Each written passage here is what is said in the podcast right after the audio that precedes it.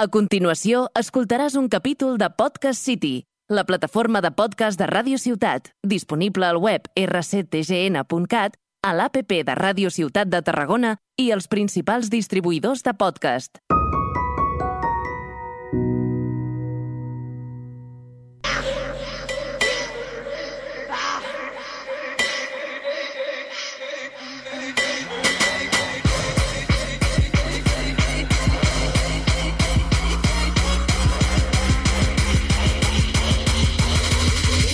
Hija de la ira, comando home, servicio a domicilio. Destruir la norma, un podcast de cerdas y diamantes. Nuestro espacio para compartir aprendizajes y cuestionar el sistema desde una mirada interseccional. El niñato que va de bien queda y se las da de bueno delante la abuela. Se cuelga medallas por hacer la cena, como si cuidarle fuera Mi problema, a nosotras no nos la pegas. De víctima fiera. Bienvenidas un día más a nuestro podcast Destruir la Norma. Yo soy Alicia y a mi lado, como siempre, Mayori, Buenas. mi querida. ¿Qué tal? ¿Me quieres? Un poco. Ay, momento bonito. Empiezo a. No, Empiezas, ah. sí. Uh, son testigos muchas personas. ¿Cuántos deben oírnos? ¿Tres? Quiero a tres personas en mi vida. Yupi. A muchos Jo, pero si tienes tres gatos, tienes propietaria. Sí, Hoy vamos a hablar de eso, de hecho, ¿no? eh, De las sí, mascotas. Uf, increíble. Más Dori como hila. Venga, venga, venga. Que Eh, tengo ganas de este programa. ¿Así? Sí, que hace ¿Cuánto mucho que tiempo no ha pasado? Hace eh, una media, 10 minutos. Sigamos. Eh, ¿Qué ha pasado ¿Qué ha pasado? estos días? Va, nos gusta, de repente hemos hecho como una sección nueva, la tertulia inicial, ¿no? Que antes era como, ¿cómo estás? Mal, y tú también. Y ahora es como, bueno, vamos a hablar qué han pasado Cositas. durante estas últimas semanas, en el mundillo. Porque el sistema no para. O sea, No siempre para. hay cosas. Siempre, ¿eh? Y en, en el mundo de ricos, muchas. sí. Eh, hablando de una rica. A ver. ¿Qué ha pasado? Ana Obregón. Ah, que ha sido madre. Ah, no, ha sido abuela. Plot twist. O sea, inesperado, trambólico, turbio y un poco asqueroso. ¿No? Sí, la sinceramente, a mí me da mucha pena. Pero luego me acuerdo que es millonaria y, y ya se me quita un poco la pena, ¿eh? Claro, a mí me da pena las personas a las que está explotando, que tampoco sería pena, ¿no? Lo que me dan, pero eh, bueno, pues ha pasado que ha contratado, ha comprado, Ha comprado un bebé. Mm, ese sería el y titular. por lo tanto eh, ha comprado también con su dinero, que es mucho, pues el vientre de, de una mujer De una persona gestante, mujer. para tener su hijo, que ahora se ha visto que barra nieto, Hmm. nieta, perdón, porque la- ha usado el semen de su difunto hijo. Sí. Por eso digo que es como la parte más Help, triste de la historia. Es que es algo muy dramático. De hecho, Hmm. yo, como ya sabéis o, lo es o lo- os lo he comentado, soy bastante friki del famoseo y, y me gusta lo, la mal denominada telebasura, que ya podemos también hablar otro día de esto. Pero bueno, ya os anticipo, ¿no? Y entonces conozco bastante el mundillo del corazón, porque me gusta, etcétera, da igual, no me tengo que justificar. Lo dejo ahí. Pero yo lo viví bastante la historia y aunque no lo conozcas, es algo muy dramático que una madre o un padre entierre a su hijo, ¿no? Y Mm. por una enfermedad tan, tan horrible y que trae tanto, tanto drama, ¿no? A la vida de una familia. Y esa es la parte triste, ¿no? Y que yo entiendo que, pues yo qué sé, pues que esta mujer está realmente mal, como no puede ser de otra manera, pero claro, a veces la gente de a pie, mm, cuando estamos mal, pues como mucho nos da para comprarnos unas patatas fritas Hmm. y, y- y a otras le da como para eh, ir a un sistema entero que violenta, oprime y capitaliza los cuerpos de las mujeres y personas gestantes, personas a los márgenes, para convertir en derecho lo que sería solo un simple deseo, que puedo es? entender ese deseo. El de, tiene un hijo, se ha muerto, se lo ha llevado una enfermedad como el cáncer, y encima es hijo único, fue un niño muy deseado, bueno, XXX, y yo entiendo que ese deseo y esa frustración esté ahí, pero ese Pero deseo no es un derecho. En ningún caso justifica la explotación, ¿no? Reproductiva en este caso, porque es lo que es. Y bueno, aunque no se le hubiera, ¿no? Este caso es como peculiar o también conocido, pero en ningún caso es válido, ¿no? Claro. Quiero decir, eh, hayas tenido mm, esta desgracia de que se te muera el hijo o no. Al final, algo que también a mí me gustaría señalar, porque a veces a personas del colectivo LGTBIQ sobre todo a los gays, se les señala ¿no? por, por utilizar esta manera, ¿no? por, por utilizar la explotación reproductiva para tener bebés, ya que eh, de manera natural no pueden. Eh, y es falso, ¿no? Hay ya muchos estudios o, o- o varios donde se demuestra que obviamente quien más utiliza esto son los ricos. Eh, no personas del colectivo, que personas del colectivo también hacen su uso y está mal, por supuesto, pero quien más lo hace, o sea, hay muchos famosos, que si Cristiano Ronaldo, que si el otro, que mm, son parejas heterosexuales, totalmente Ah, normativas, mm. eh, que se permiten el lujo ¿no? de explotar a otra mujer pues para no eh, para que su cuerpo no cambie, bueno, porque tienen, porque pueden, Mm. básicamente porque pueden, ¿no? De hecho, hay gays que son ricos. Es decir, esto es una cuestión de clase, no una cuestión ni. Hay ricos, sí. Claro. O sea, es que ahora justo estaba pensando en lo que lo he dicho: Ricky Martin, Miguel Bosé. Exacto. y muchísimos más. Entonces, es una cuestión de clase clarísima. Y, mm, y ya está, ¿no? O sea, realmente, ¿por qué? mm, No sé, o sea, aquí en España es ilegal. Hmm. Es ilegal.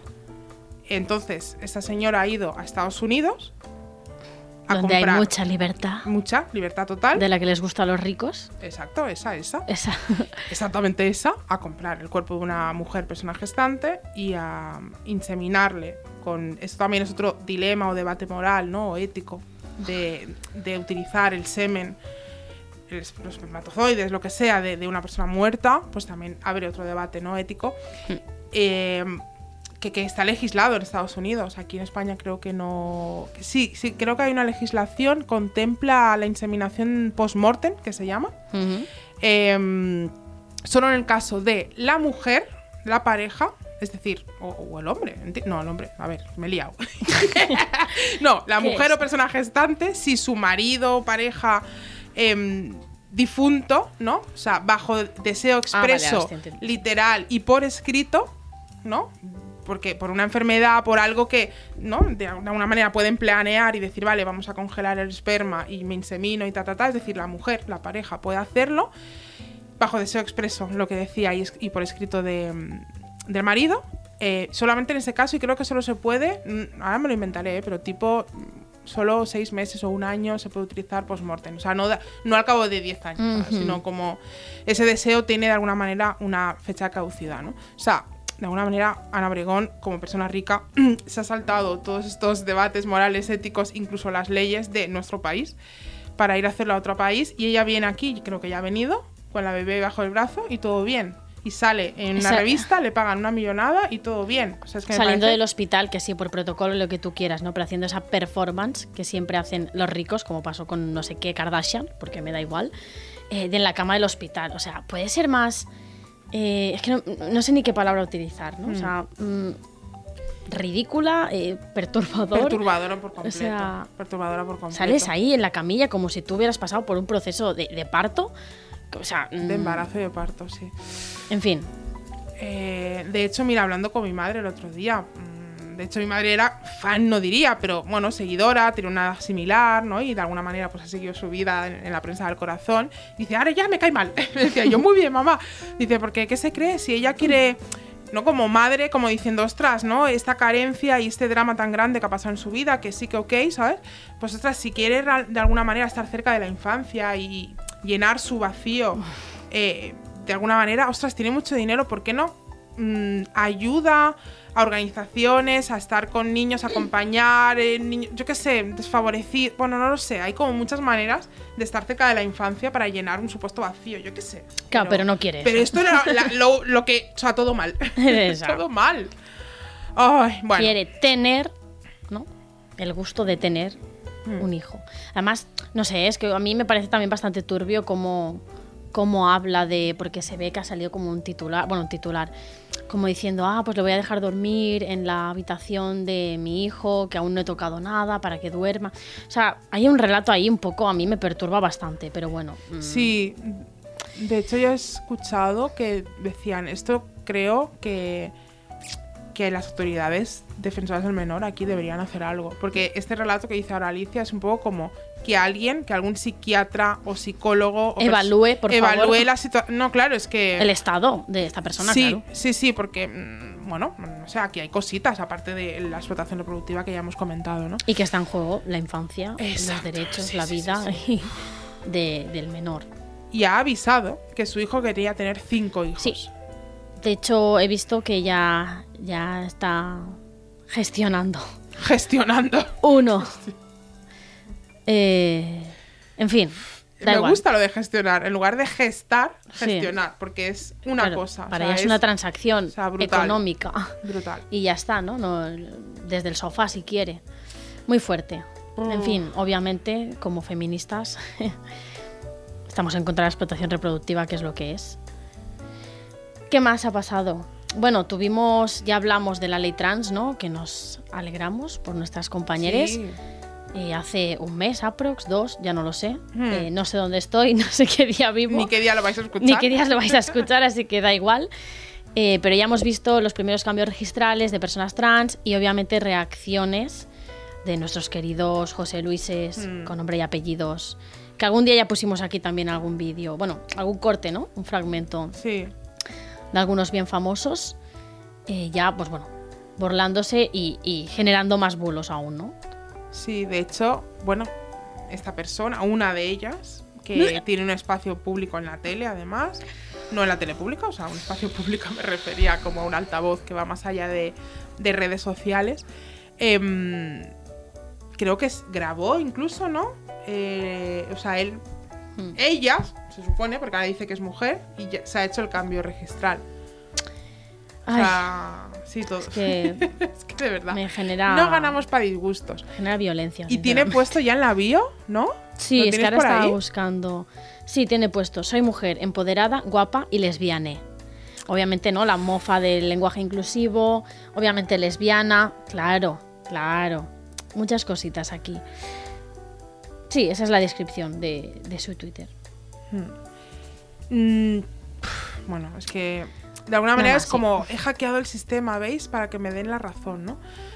Volvemos a repetir, la ley trans solamente es un pequeño paso para em, dar lo que nunca se le debió quitar a las personas, Mm. que es el derecho de ser Y tener una vida y digna. tener una vida digna. O sea, ya está. O sea, sisplau, basta de, de, de siempre hacer pues lo que, lo que nos gusta, el morbo, el...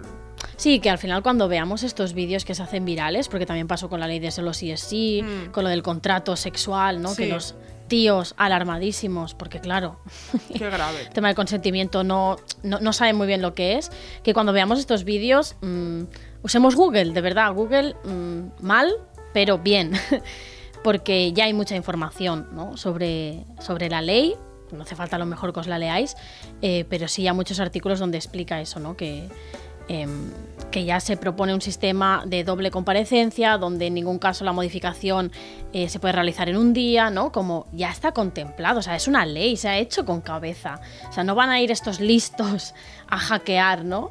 El sistema y la ley diciendo, ah, pues me he cambiado de sexo. No, no, no pasa. Está, está, ya está pensado el fraude de ley, ya lo hablamos, ¿no? Sí, con esto de las leyes pasa mucho. O sea que hay que entender que no, no se legisla. em, se legisla para dar un marco legal a, a una, digamos, a las personas, a, a las realidades.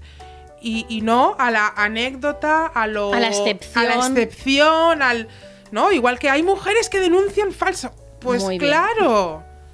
Pero, pues claro, igual que se denuncian robos falsos, igual que se defrauda Hacienda, igual que, por supuesto, y eso no quiere decir que no. Entonces, ninguna ley sería válida si vamos siempre a la excepción, a la anécdota y a.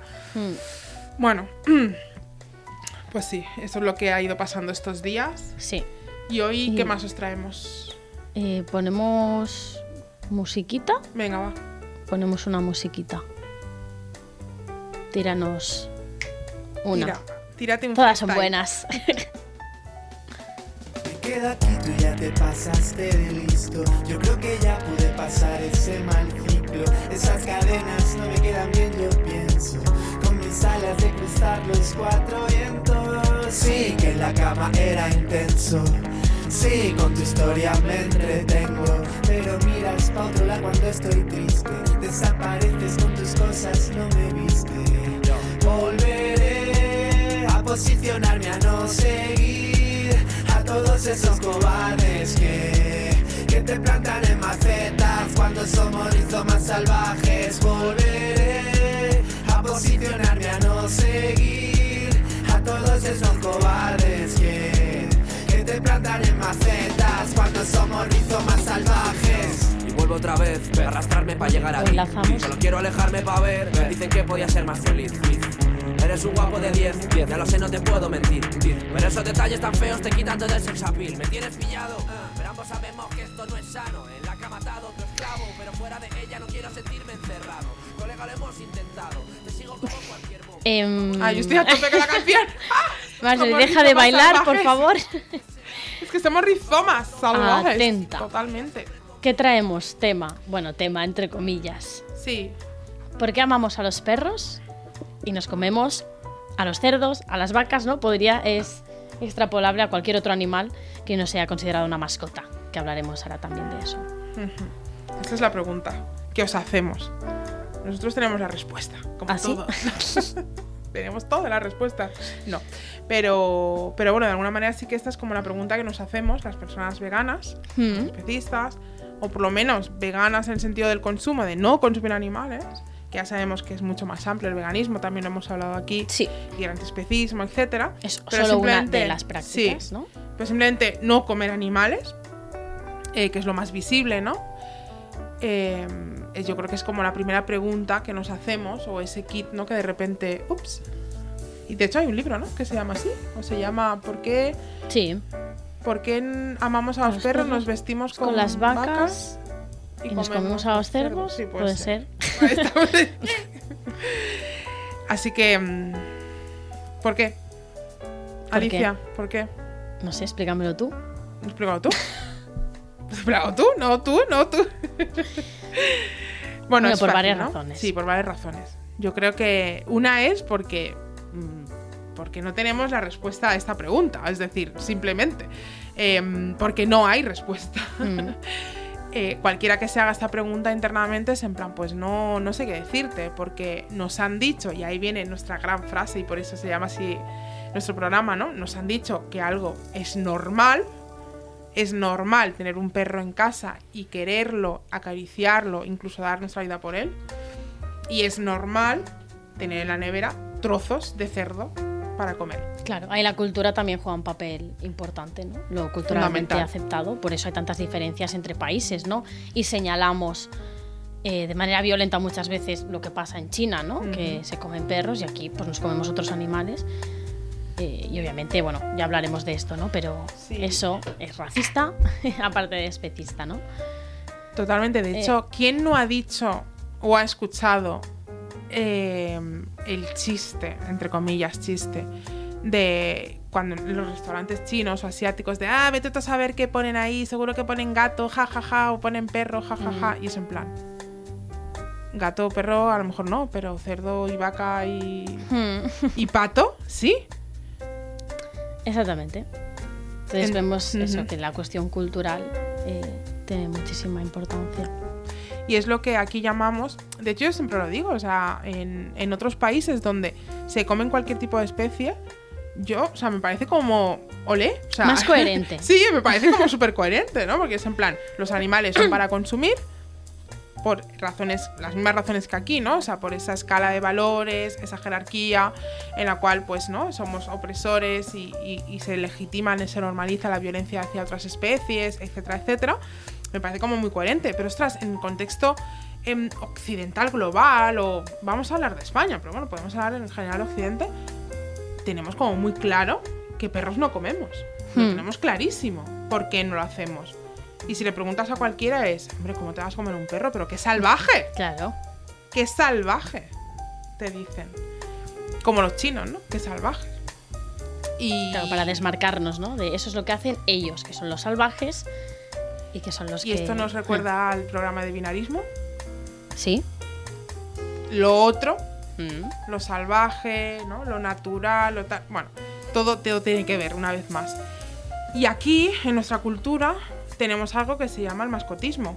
Las mascotas, nuestros perros, nuestros gatos, incluso conejos y caballos. Esto es un dualismo interesante porque los conejos y los caballos aquí son mascotas, pero a la vez también son objetos de consumo. Sí. Y es curioso porque esto ¿no? Sí, y además, y, a la- y además cada vez más en el caso de los caballos, ¿no? Antes era como era un tipo de carne Mm. eh, que no era tan consumida, pero ahora, bueno, a nosotros que vamos a un sitio cerca de, en La Rioja y cada vez hay más caballos, ¿no? Que además los ves, ¿no? Eh, de engorde, o sea... em, Es más cara la carne de caballo y por lo tanto también. Bueno, pues ahí sí, se saca más, se saca más beneficio. beneficio. Que al final es eso, ¿eh? Un negocio. Igual que el mas- mascotismo, que es una forma de explotación más, ¿no? Porque además, ya sabemos, ¿no? Los criaderos se crían eh, y se manipulan alimentos, iba a decir, animales. De hecho, hay razas que hemos creado nosotros por el capricho de hacerlo con todas las dificultades, o sea, con todas las... em, no me sale la palabra. Sí, bueno, dificultades, ya Sí, ibas dificultades, bien. pero- O taras. Ya, decir, taras, sí, problemas míos. no respiratorios, cardíacos, Sí. etcétera, que tienen algunas razas por nuestra culpa, por supuesto. Sí. Y es un negocio que mueve millones. Millones. Yo me acuerdo que teníamos. Teníamos datos, ¿no? Sí, los busco. En España es el quinto mercado de animales de compañía más grande de Europa. En 2017 ascendió a 25.000 millones de euros. No, es una burrada. O sea, no, una burrada. Y el tráfico de animales es el tercer negocio ilegal que más dinero genera en el mundo. Y mueve unos 20.000 millones de euros al año. Mm. O sea, En el tráfico de animales está el tema del mascotismo como conocemos aquí, pero también de animales exóticos. Hay un negocio brutal de animales exóticos también, una vez más. ¡Oh, qué sorpresa! Cosas de ricos. Los ricos que creen que pueden con dinero comprarlo todo, incluso bebés, lo hablábamos antes, pues también... es que por desgracia pueden. Sí, de repente quiero un cocodrilo, pues me Una compro un serpiente. cocodrilo, una serpiente. Entonces, em, también aves exóticas, o sea, cosas de verdad. Y hay un tráfico. Yo he visto algún vídeo de cacatúas. maletas, ¿no? Y- Sí, en maletas, pero y de aves que las, claro, las, las tienen totalmente atadas. O sea, uf, bueno, no sé. mm, perdón, porque es que esto. Bueno, es un negocio. Y que- tiene que quedar claro que es un negocio. un ¿no? negocio. Y, Y Exacto. todos los criaderos son negocios, o sea, están comerciando con vidas y con personas. Y mucha gente, yo, yo de verdad me asombra la cantidad de gente que todavía compra perros y gatos. Yo conozco gente, o sea, hace poco una persona que Mm. conozco que me dijo que su prima o alguien había comprado y no lo puedo entender. O sea, España es una- la vergüenza de Sí, Europa. es el, país donde más perros abandonan, hmm, pero hablamos de miles. Sí, miles. Y bueno, sí, es que cada año, ¿eh? Son datos anuales también. De hecho, los galgos, ¿cuánto era? Más de 50.000 al año. 50.000. Por eso no están incluidos en la ley de bienestar animal. Que eso Ujú. también podemos hablar un poquito. Claro, los perros considerados de caza, entre ellos los galgos, ¿no? Los más visibles, no están contemplados, ¿no? No entran dentro de estos derechos que se han pensado para, para nuestros compañeros, que a nosotros nos gusta llamarlos así. Sí.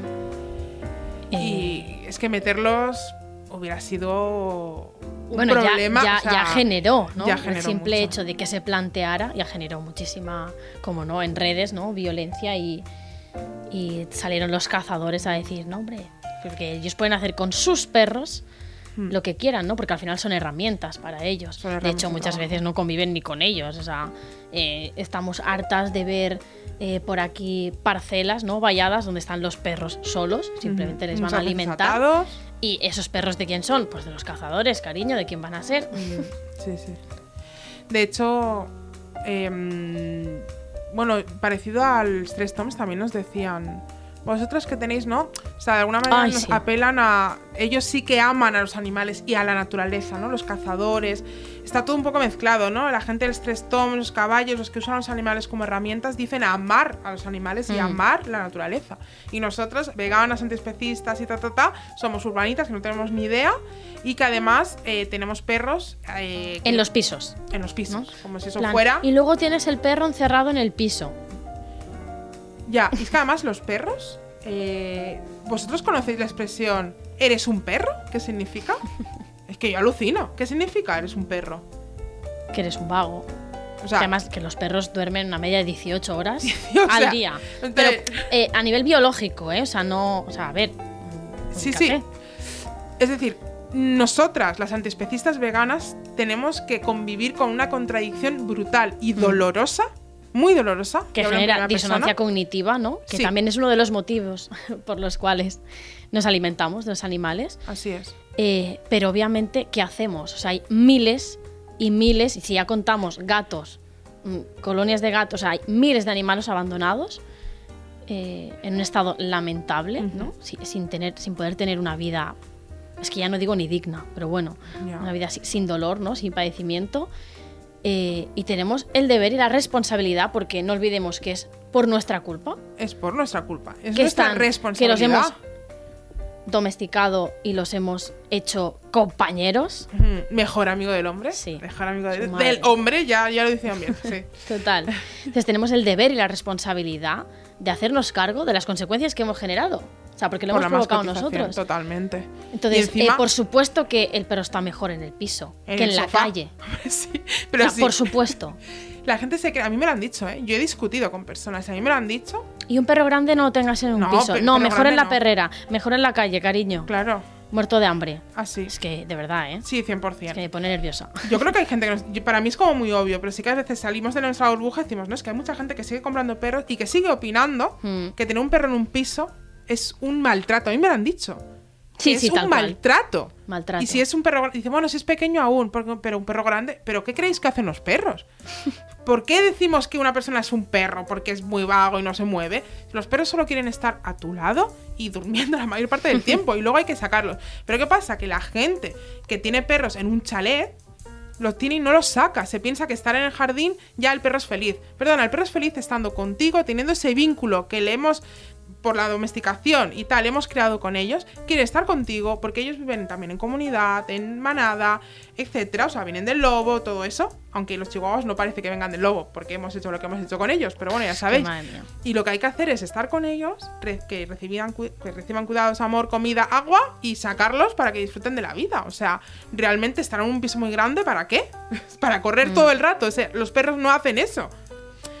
Ah, bueno. Sí, no, pero es que pone nerviosa, ¿no? Porque mm, nos lo dicen muchísimo y... eh, de hecho, yo, yo que personalmente convivo con tres gatitos preciosos, mis gatijos, eh, y hemos hecho algún curso y demás para darles una mejor calidad de vida. La media de, de vida de un gato que sobrevive, porque no es vivir, es sobrevivir. Es. La calle son 5 o 6 años, cuando en una casa pasa a los 15 o más. O 20, bueno, sí, sí. Entonces, ojalá. Ojalá. Eh, quiero decir que, que está ahí. Sí, sí. Y bueno, volviendo al tema de por Sí. qué nos comemos a unos y a otros eh, los amamos, les podemos explicar lo de el, el libro este, que el otro día, en La gata insumisa, que no os hemos explicado Hmm. nada de eso, ya os lo explicaremos. eh, hicimos un, bueno, se hizo un club de lectura Sí. de un libro que se llama La política sexual de la carne, que ya os hemos hablado de este libro. Cuando estuvo aquí Javi y Travis, Así es. hablando de masculinidad y carne, porque ¿Y hablamos de referente ausente? No, no lo llegamos a tocar porque dijimos, es como bastante, tírale. bastante amplio, ¿no? Pues le tiramos porque esto explica un poquito la pregunta que os hemos planteado. Sí. Vale, ¿Ponemos musiquilla o...? ponemos... para hacerlo así no sé como un si paroncillo es y ya. Creo- Así. Venga, pues ponemos algo y ya acabamos el programa con este concepto de referente ausente. Cuidado que saltan, discurso macarra para el barrio. Nos apoya la calle más dura, la que ponen el cuerpo contra el desahucio, las que se endurecen sin perder la ternura.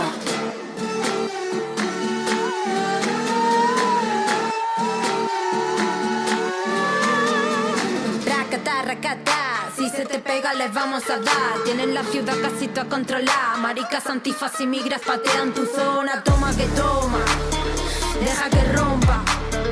Este mundo mierda que nos vuelve locas Que mis desheredadas están cansadas ya de bronca Por las comandantas luchando en Chiapas Jorra, Falastini, Hondas en Ramala Resiste Kobani, resiste Rojava Siempre son ejemplo con patria de Rocas estas catasuna Un amor pa' mi sangre y la tierra andaluza. Galiza, las islas, Vizca la terra lliura Jauría de lopa, pa' motos, pa' arriba. Sube el volumen hasta pavas que están locas Que de cosas raras va soltando por la boca. Yo, yo no la entiendo, yo, yo no la pillo. Mejor cantamos a corito el estribillo.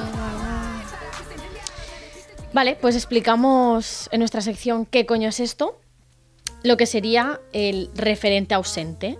¿Vale? Que como ya os hemos comentado, pues en el episodio con Javi Travis hablamos de- del libro, ¿vale? Que es la política sexual de la carne, eh, en De el Carol cual... J. Adams. Sí, de Carol J. Adams, el cual se centra en las relaciones entre la opresión de las mujeres y los animales no humanos. Y para ello eh, habla de este concepto que es el referente ausente, donde precisamente eh, hace alusión a esta desconexión entre el plato de carne ¿no? y el animal. Que os lo explicamos porque este es uno de los motivos por los cuales eh, nos alimentamos de ellos, Sí. ¿no? O hemos normalizado. Sí, porque al final nuestra relación con los animales en nuestro día a día se convierte en, eh, en el acto de comer. O sea, realmente hemos... Hmm. ¿no? El- nuestra relación con los animales es esa. O sea, Es comerlos es y usarlos. Y usarlos. Entonces, de alguna manera tenemos que desconectar. Y si no, ¿por qué la mayoría de personas? Habrá muchas que no, porque hay gente pato. Pero yo estoy casi segura que los que nos estáis escuchando, las que nos escucháis, muchas os sois veganas, eso espero. do- otras os lo estáis planteando. Y muchas otras es en plan, mira, yo es que prefiero no saber. ¿No? Esta Típico. frase, yo es que prefiero no verlo. Yo es que prefiero porque... Entonces, mm, Pero aunque no lo veamos, existe. Sí, un poco como Sí, un lo que poco lo de antes, sí, ¿no? por eso me- Si no miras, no existe. Todos sabemos lo que hay. Todos Mm. más o menos hemos visto algún vídeo. Em, y la pregunta es, si prefieres no conocer los procesos de obtención Mm. de los alimentos, es posible que, que- que, bueno, que a lo mejor mm, hay ahí algo que tengamos que asumir. Sí. Y el referente ausente No, me explica. recordaba, ¿no? A la, a la típica imagen de que sale como un trigger warning, un- como aviso de contenido o como imágenes delicadas y es como mm, si tienen que poner ese aviso para algo que, que, o sea, que se está produciendo lo que te vas a comer, es que a lo mejor no está del todo bien, Mm. bien mal, pero ojo, ¿no? Entonces lo que decíamos, eh, precisamente la función del referente ausente es mantener la carne, ¿no? El concepto que tenemos de carne totalmente alejado de la idea de que eso pues era un animal que por lo tanto era un individuo que quería vivir, ¿no? Y que vivía. Es mantener lejos la idea de que era alguien. Eh, porque como ya podemos imaginar, porque el lenguaje tiene mucho poder, la palabra carne la tenemos tan, ¿no? O sea, normalizada totalmente, eh, la usamos a diario, no evoca, a- o sea, no, no da a pensar que es un animal vivo, ¿no? Que fue un animal vivo. Entonces, de- que le gustaba correr por el prado. O sea, no, Están eliminados, o sea, los animales están eliminados de la idea de carne. Los animales como sujetos y su historia, sus deseos, sus cuando os hemos explicado que son personas, hablamos de esa individualidad, singularidad, gustos, lo que llamamos personalidad, ¿no? O sea, la carne está totalmente alejada de los animales y su historia. Em, de hecho, le llamamos carne, nosotras por ejemplo decimos no como animales, no no como carne. Claro. No, no comemos animales. Y la gente es como, oh, como ¿qué dice? Pero son animales. ¿Por qué Ujú. les hemos puesto otros nombres? Por eso, porque necesitamos el referente ausente, necesitamos no saber qué es Mm. para poder comérnoslo. Es que es fuerte. Porque si no nos produce ese malestar, que es lo que hablamos antes de la disonancia cognitiva, Ujú. es que, que necesitamos alinear un poco lo que pensamos con lo que hacemos y nos inventamos cosas, entre ellas esto, para, para justificarlo o para... Sí.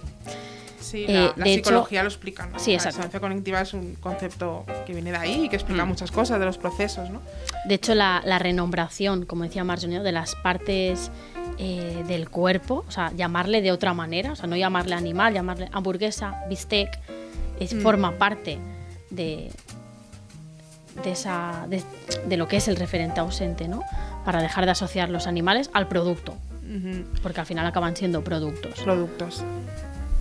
Así es, de hecho, pues eso, se fragmentan, ¿no? Deja de ser un individuo y deja de ser el cuerpo, se convierte en un, un objeto y a partir de ahí podemos fragmentarlo directamente. Se dice también mucho lo del cerdo se aprovecha todo. Mm, Y vemos, tenemos en la, yo creo en la cabeza muchas imágenes en carnicerías de un cerdo feliz, por supuesto, porque siempre son felices los animales, igual que la vaca feliz. es que en los camiones, y es, que en los bestia, camiones, sí. que la parte de atrás es o una vaca en un prado o un cerdo feliz y abres y hay cadáveres, O sea, o sea, qué puta locura. sí, O sea, literalmente es una puñetera locura. cómo hemos normalizado estos procesos. Sí, y, y- sí.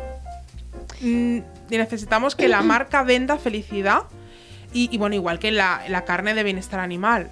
O sea, es que es No existe, cariño. O sea, de verdad, o sea, que haya gente que coma carne, esté escuchando y coma animales y es como, bueno, mm, vale, no te voy a decir, te respeto como persona. Como hablábamos en el programa anterior, te respeto como persona, lógicamente. Pero, ostras, cuestiona tus ideas, tus ideas, tus creencias y cuestiona tus acciones. Porque ¿Y de dónde que compras una. Un, o sea, que compres una bandeja de poliespan con trozos de carne de un animal y que ponga ahí una etiqueta de bienestar animal. ¿De, de qué bienestar? Que está muerto. O sea, ¿en qué momento hemos desconectado tanto? Sí, totalmente. O sea, yo prefiero una persona que me diga, mira, como animales, porque soy sádico, me encanta la, o sea, la carne, la sangre, y disfruto y digo, bueno, pues por lo menos tiene coherencia. No sé, perdón, ¿eh? pero, pero carne de bienestar animal es que en, en qué momento nos Un hemos... oxímoron. Es un oxímoron, exacto. O sea, ¿en qué momento nos hemos desconectado de eso? Sí, es muy bestia. Es muy loco. Es muy loco. Entonces, bueno, pues, pues, pues, pues eso. De hecho, algo que también se, se dice en el libro y me gusta es como parte de esa renombración, quitamos como los artículos, ¿no? Pata de conejo. De pata de un conejo, porque es que era la pata de un conejo. Mm. un ¿no? conejo. Como para un. de- mm, em, disociar también, ¿no? Esas Totalmente. partes es como pata de conejo, lomo, no sé, lomo de un cerdo, la Ya, pata de un conejo, de cola cerdo. de un caballo, De ¿no? uno. Es como. De, una- de hecho, ¿os acordáis en el programa de Fanny? Que algo de las cosas que hacen cuando entra un animal rescatado del santuario, lo primero Mm. es ponerle nombre. Porque darle nombre, como en los humanos, es como ese primer punto de identidad. Entonces, imaginaros, la, no es la pata de, de- pata de conejo, es la pata de Pepe. O sea, ¿no? Para darle esa identidad, decir, es que era un individuo, ¿no?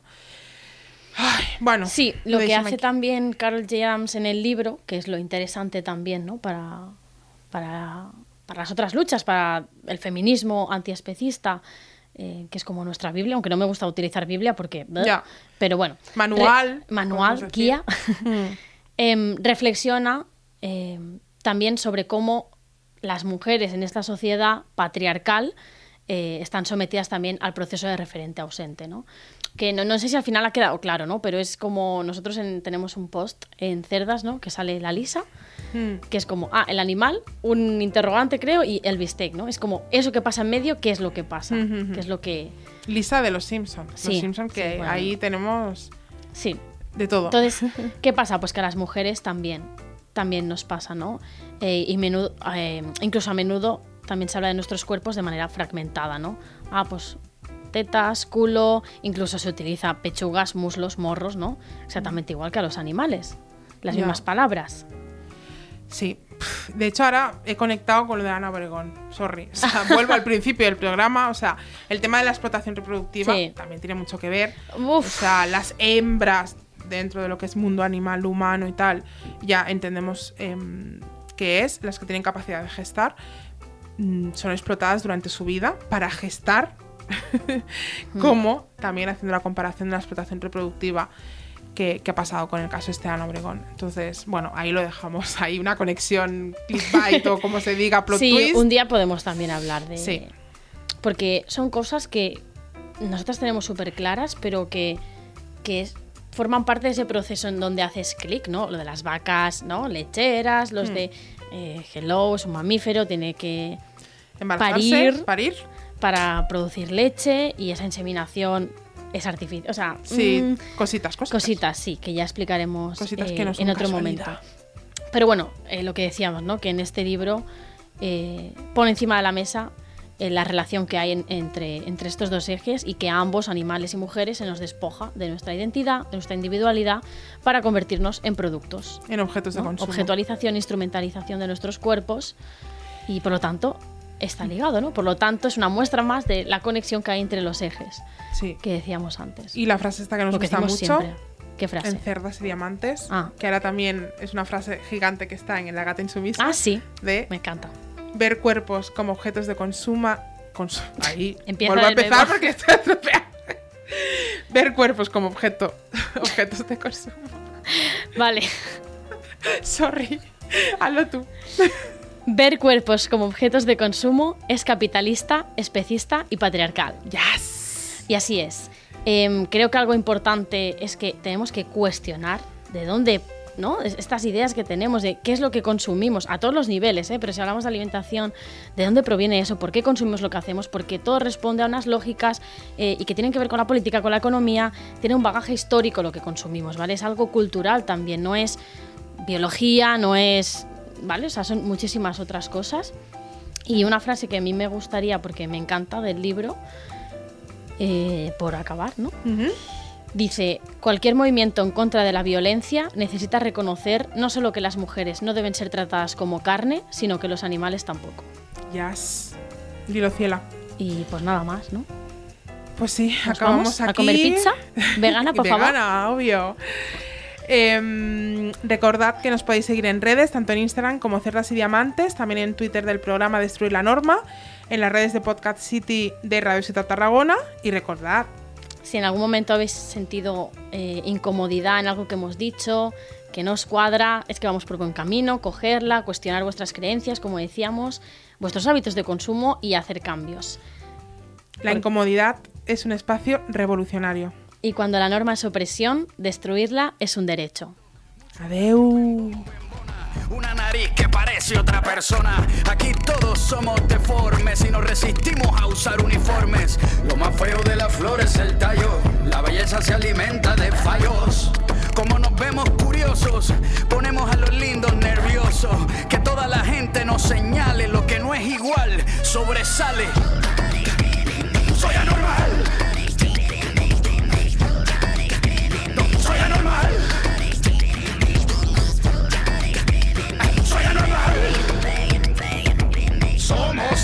Somos anormales. Lo que me gusta de ti es que tú eres anormal. Soy anormal.